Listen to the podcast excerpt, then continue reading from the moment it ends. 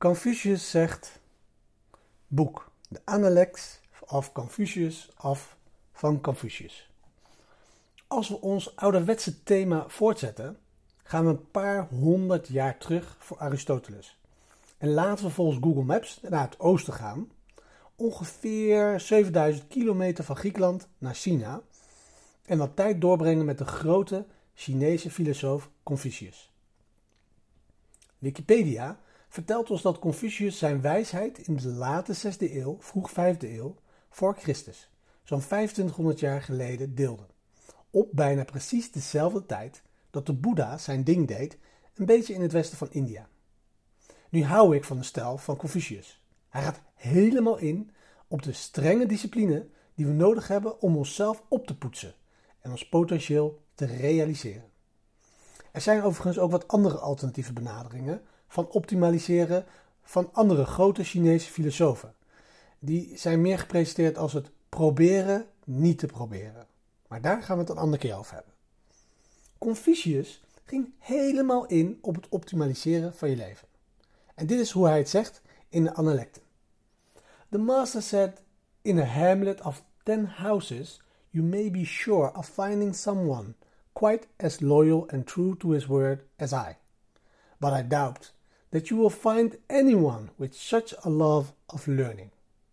In het Nederlands. De meester zei: In een gehucht van tien huizen kun je er zeker van zijn dat je iemand vindt die net zo loyaal en trouw aan zijn woord is als ik.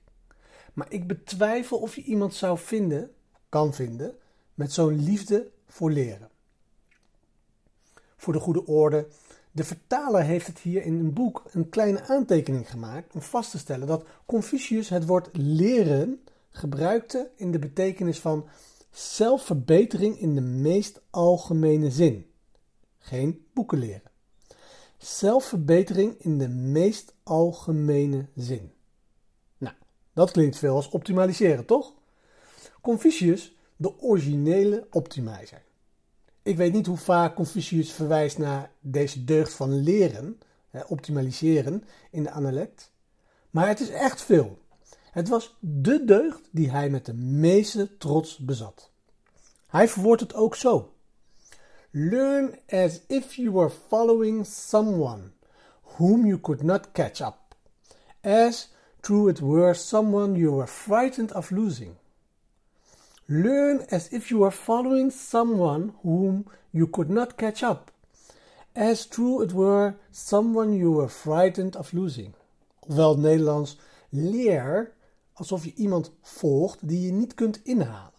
Alsof het iemand is die je bang bent te verliezen. Nou, stel je eens voor. En denk dan aan Campbell's wijsheid over hetzelfde thema.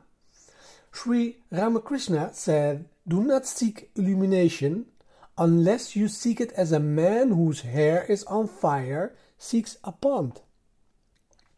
Sri Ramakrishna said, Do not seek illumination unless you seek it as a man whose hair is on fire seeks a pond. In het Nederlands, Sri Ramakrishna zei, zoek geen verlichting, tenzij je het zoekt als een man wiens haar in brand staat een vijver zoekt. En tenslotte zegt de meester: Only one who bursts with eagerness do I instruct. Only one who bubbles with excitement do I enlighten. If I hold up one corner and a man cannot come back to me with the other three, I do not continue the lesson. Alleen iemand die van gretigheid barst, onderricht ik. Alleen iemand die borrelt van enthousiasme, verlicht ik. En als ik een hoek omhoog hou en een man kan niet met de andere drie hoeken naar mij toe komen, dan ga ik niet verder met de les. Dus de microles van vandaag is: hoe is het met jouw intensiteit? Kom je opdagen alsof je het meent? En wat kan je doen om dat een tandje hoger te krijgen, of zelfs twee of drie? Terwijl je natuurlijk geaard blijft en het langer termijn speelt.